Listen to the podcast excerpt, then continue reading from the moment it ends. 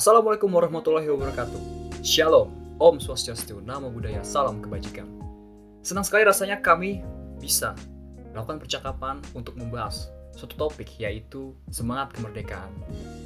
75 tahun Indonesia Merdeka.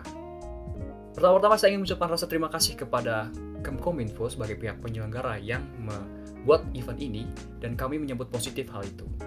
Karena kami rasa kami bisa memberikan atau membagikan pandangan kami dan pengalaman kami yang kami rasakan agar bisa uh, berdampak positif kepada banyak orang. Oke, okay, uh, langsung saja saya akan mendiskusikannya dengan partner saya yang sudah berada di, di sebelah kanan saya. Selamat malam partner. Ya, uh, kita kan ketahui bersama kalau kemerdekaan bangsa kita ini, bangsa Indonesia, diraih atas kerja keras dan juga semangat yang begitu luar biasa dari para tokoh dan pemimpin terdahulu begitu.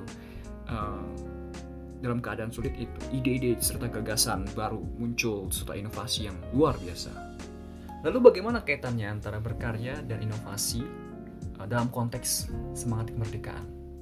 Sebenarnya bangsa Indonesia ini gitu kan um, menempuh suatu perjalanan yang panjang sebelum itu yeah. merdeka gitu kan. Ya pada awalnya kita ini tuh harus bisa menyatukan suku-suku bangsa di yang kita sebut tanah air ini Betul. dengan segala kemajemukannya untuk merangkul suatu identitas bersama yaitu identitas Indonesia karena pada awal perjuangan ya juga um, kan uh, berasal dari awalnya perlawanan-perlawanan rakyat yang pada awalnya itu melalui Portugis seperti uh, yang dilakukan oleh kerajaan Denmark dan itu dalam konteks perlawanan-perlawanan rakyat yang masih berbasis kedaerahan. Yeah, yeah. Kita pada saat itu masih belum memiliki identitas kebangsaan masih yang belum. kita kenal. Iya Yeah. masih belum, masih uh, konsep bangsa Indonesia pada saat itu belum ada.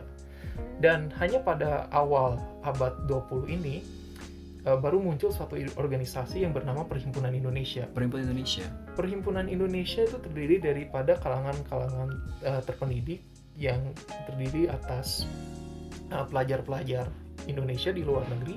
Oh, itu pelajar-pelajar Indonesia yang uh, belajar di luar negeri begitu. Iya, yang sekarang mungkin kenal dengan PPI gitu kan uh, di luar negeri. Jadi perhimpunan pelajar Indonesia yang ada di mungkin di Singapura atau di negara-negara seperti Australia, Inggris dan di berbagai negara uh, lainnya itu bas basisnya itu adalah PI ini yang kita sedang kita bahas perhimpunan Indonesia atau saat itu uh, bahasa Belandanya ada Indische Vereinigung. Uh-huh.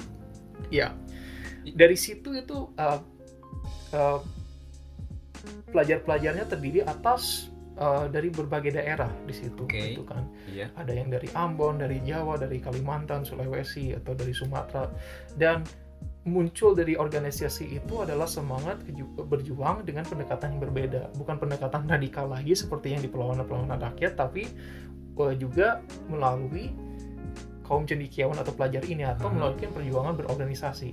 Dan salah satu buah atau produk daripada uh, perjuangan ini adalah identitas kebangsaan tadi. Oke. Jadi perjuangannya sekarang kita lebih terkoordinasi dan berbasis semangat kebangsaan atau senasib nasib bersama itu antara misalnya terlepas misalnya tuh Anda itu suku bangsanya apa, agamanya apa atau memiliki bahasa etnis seperti apa gitu kan. Kita ini melawan suatu musuh yang bersama gitu kan. Mhm. Dan lebih baik kita bersatu bersatu merangkul satu identitas bersama untuk menaklukkan musuh yang bersama ini. Itu yang menjadi semangat juang bangsa atau menjadi basis kemerdekaan ini. Berarti atau inovasinya Iya. dalam sini adalah kita thinking out of the box. Oke. Berpikir di luar misalnya menjadi konvensi selama 300 tahun melalui perlawanan rakyat yang kian tidak berhasil gitu kan. Mhm. Kita menempuh suatu pendekatan baru. Iya. Dan semenjak pendirian organisasi seperti ini dan kita telah terbentuknya suatu suatu bangsa, kita bisa lihat cepatnya seperti apa. Yang awalnya perlawanan rakyat 300 tahun atau beratus-ratusan tahun itu tidak membuat membuahkan hasil yang signifikan dalam jangka waktu berpuluhan tahun kita bisa memproklamasikan kemerdekaan pada 17 Agustus 1945. Oke, berarti berarti dengan kata lain cikal bakal identitas bangsa Indonesia itu lahir dari pemikiran yang out of the box dari, dari, suatu inovasi PI dan itu karya ya? sendiri iya kan jadi Oke. konteksnya ini sangat relevan Iya.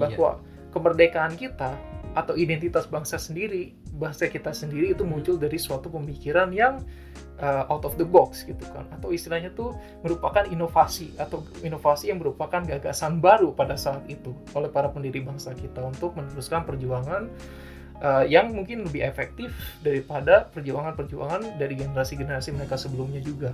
Dan inovasi itu lahir dari situasi di mana sedang uh, melawan suatu musuh begitu ya bisa suatu kita musuh ya. bersama ya kan? Masih masih dilanda suatu krisis Iya, pada iya. saat itu gitu kan. Ya dalam konteks sekarang mungkin dalam covid eh, kita dilanda oleh suatu pandemi Aha. covid 19 betul. semangat juang itu masih relevan. Kita sekarang dilanda dilandasi oleh suatu dilandai oleh suatu krisis maka dari itu sebaiknya kita mencari jalan keluar juga dengan cara uh, berpikir inovatif. Iya. Thinking out of the box menghasilkan karya ini tentunya masih sangat relevan dalam menjunjung tinggi nilai atau semangat juang yang pada saat itu eh, ditempuh oleh generasi generasi sebelum kita yang berjuang untuk kemerdekaan dan juga para pendiri bangsa kita.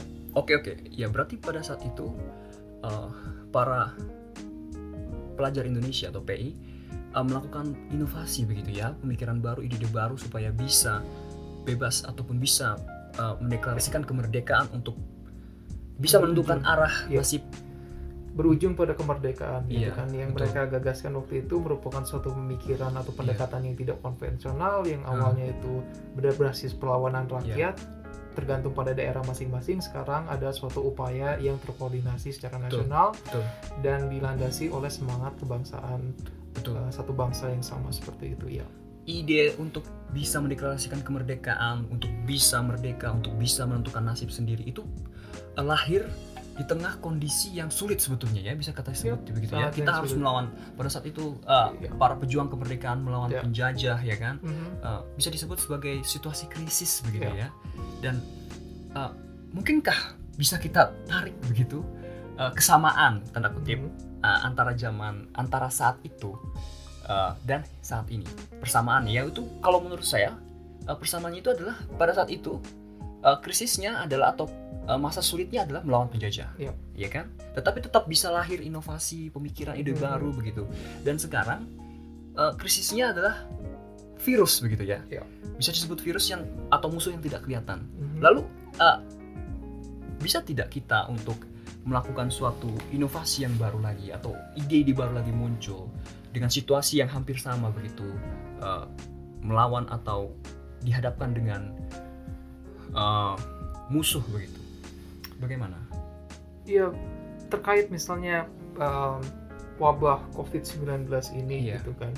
Untuk kita bisa membenahi diri, untuk kita bisa mengupgrade skill, uh, itu tentunya akan menjadi suatu hal yang sangat penting supaya Oke. kita bisa keluar lebih tangguh Oke, nanti berarti perbedaannya ini. adalah perbedaannya adalah pada masa itu uh, ide baru atau inovasi baru tentang uh, kita untuk merdeka begitu ya. Ya.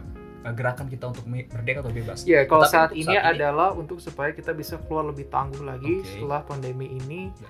uh, selesai. Uh, dan tentunya Dalam hal apa kalau uh, Ya tentunya kalau misalnya dalam um, ini ya selain pandemi ini selain menimbulkan banyak banyak korban jiwa gitu kan, secara ekonomi juga kita dalam kondisi yang iya uh, sedikit terpuruk ya kan, Betul, bukan sedikit terpuruk, tapi ini bukan melanda negara kita sendiri, tapi Iya. banyak perekonomian di luar sana yang juga um, mengalami, mengalami dampak hal uh, yang sama uh, seperti kita Uh, ekonomi mereka juga dalam kondisi yang tidak baik dan dalam hal ini tentunya ada banyak orang yang mungkin kehilangan pekerjaan atau Iya, orang betul. yang baru uh, masuk dalam pasar kerja juga sangat sulit untuk mendapatkan uh, penger- uh, pekerjaan yang baru gitu kan. Iya. Jadi ini secara ekonomi bagi masyarakat kita juga memiliki dampak yang sangat besar tentunya betul betul dan di sini adalah um, bagaimana kemandirian itu gitu kan kita kan uh, semangat jiwa kebang- um, kemerdekaan tadi dijiwai oleh semangat uh, kemandirian untuk menentukan nasib sendiri dan ini konteksnya relevan bagaimana kita apabila dihadapkan dengan suatu kesulitan seperti ini bagaimana kita uh, menjunjung nilai tersebut bagaimana kita bisa mandiri dengan keterbatasan yang dihadapkan terhadap kita. Oke, misalnya dalam uh, konteks seperti ini ya pasar pekerjaan yang biasanya ada, yang biasanya bisa dicari oleh orang banyak, yang bisa diperoleh orang banyak uh, berada di dalam kondisi krisis gitu kan, di mana sulit untuk mendapat kerjaan. Tapi ada banyak uh, pekerjaan atau pasar kerja di luar sana yang justru semakin tumbuh. Misalnya contohnya eh, di bidang IT, misalnya kan seperti sekarang informatika di Iya. ya IT misalnya kita kan sekarang banyak ada istilah work from home uh, menggunakan sarana-sarana seperti video conferencing Oke. dan lain sebagainya Iya, tentunya penuntut untuk um, orang-orang yang berkecimpung di profesi atau bidang yang bisa menyediakan infrastruktur yang memadai untuk Betul, memfi- betul. memfasilitasi Iya. kegiatan-kegiatan seperti itu Jadi um, misalnya meskipun ya sekarang kan dengan um, kita hidup di dunia modern ini banyak fasilitas yang kita bisa gunakan untuk belajar mandiri tersebut. Ya, banyak gitu. banyak alat, banyak maksudnya banyak media atau banyak sumber yang bisa kita pakai begitu ya. Iya, misalnya um, secara online Iya. uh, banyak kursus atau banyak materi yang disajikan supaya orang bisa menjadi suatu expert di dalam bidang IT Betul betul. dengan mudahnya gitu kan tanpa memiliki pendidikan formal apa pun ya itu sebaiknya kalau dengan cukup orang yang memanfaatkan uh, itu akan bisa menimbulkan hasil yang lebih optimal dan orang-orang mungkin uh, akan lebih bisa kom- kompetitif dalam mencari suatu kerjaan dalam kondisi seperti ini. Ya, dan memang itu saya sangat setuju tadi. Kita bisa mendapatkan ilmu atau mendapatkan apa yang kita pengen coba kita kembangkan begitu ya untuk Ya. nanti ke depannya supaya kita bisa menghadapi begitu. Ya. Eh, ketika nanti kata pandemi ini sudah berakhir gitu kan. Kembali lagi tadi yang soal masalah ekonomi itu kan. Mhm. Dan jadi juga saya juga em, memang kalau boleh sedikit curhat begitu ya. Em, sedang mencoba untuk belajar coding begitu. Untuk belajar apa eh, ilmu di IT ini. Karena memang saya juga sudah melihat melihat kalau memang prospek untuk belajar atau untuk mendapatkan eh, apa pekerjaan gitu ya lapangannya begitu luas begitu ke depannya. Lalu saya mencoba untuk belajar secara otodidak ya kan? Belajar di IT itu dan apakah saya bisa berkompetitif dengan para lulusan-lulusan yang berasal dari lulusan IT begitu Jadi uh, kalau kita ngelihat statistik yang ada di luar sana sebenarnya tuh 60% daripada orang yang berkecimpung di bidang IT secara profesional itu tidak memiliki pendidikan atau latar pendidikan formal di IT sama sekali. Dan ini bisa dijelaskan dari tren yang ada di luar sana bahwa ya semakin perekonomian kita terdigitalisasi, semakin banyak kebutuhan di pasar kerja sana akan orang-orang yang ahli di bidang IT ini. Jadi mereka sangat terbuka. Uh, peluang ini sangat terbuka luas bagi orang-orang pun yang tidak memiliki pendidikan formal IT tersebut. Karena yang paling penting adalah di bidang ini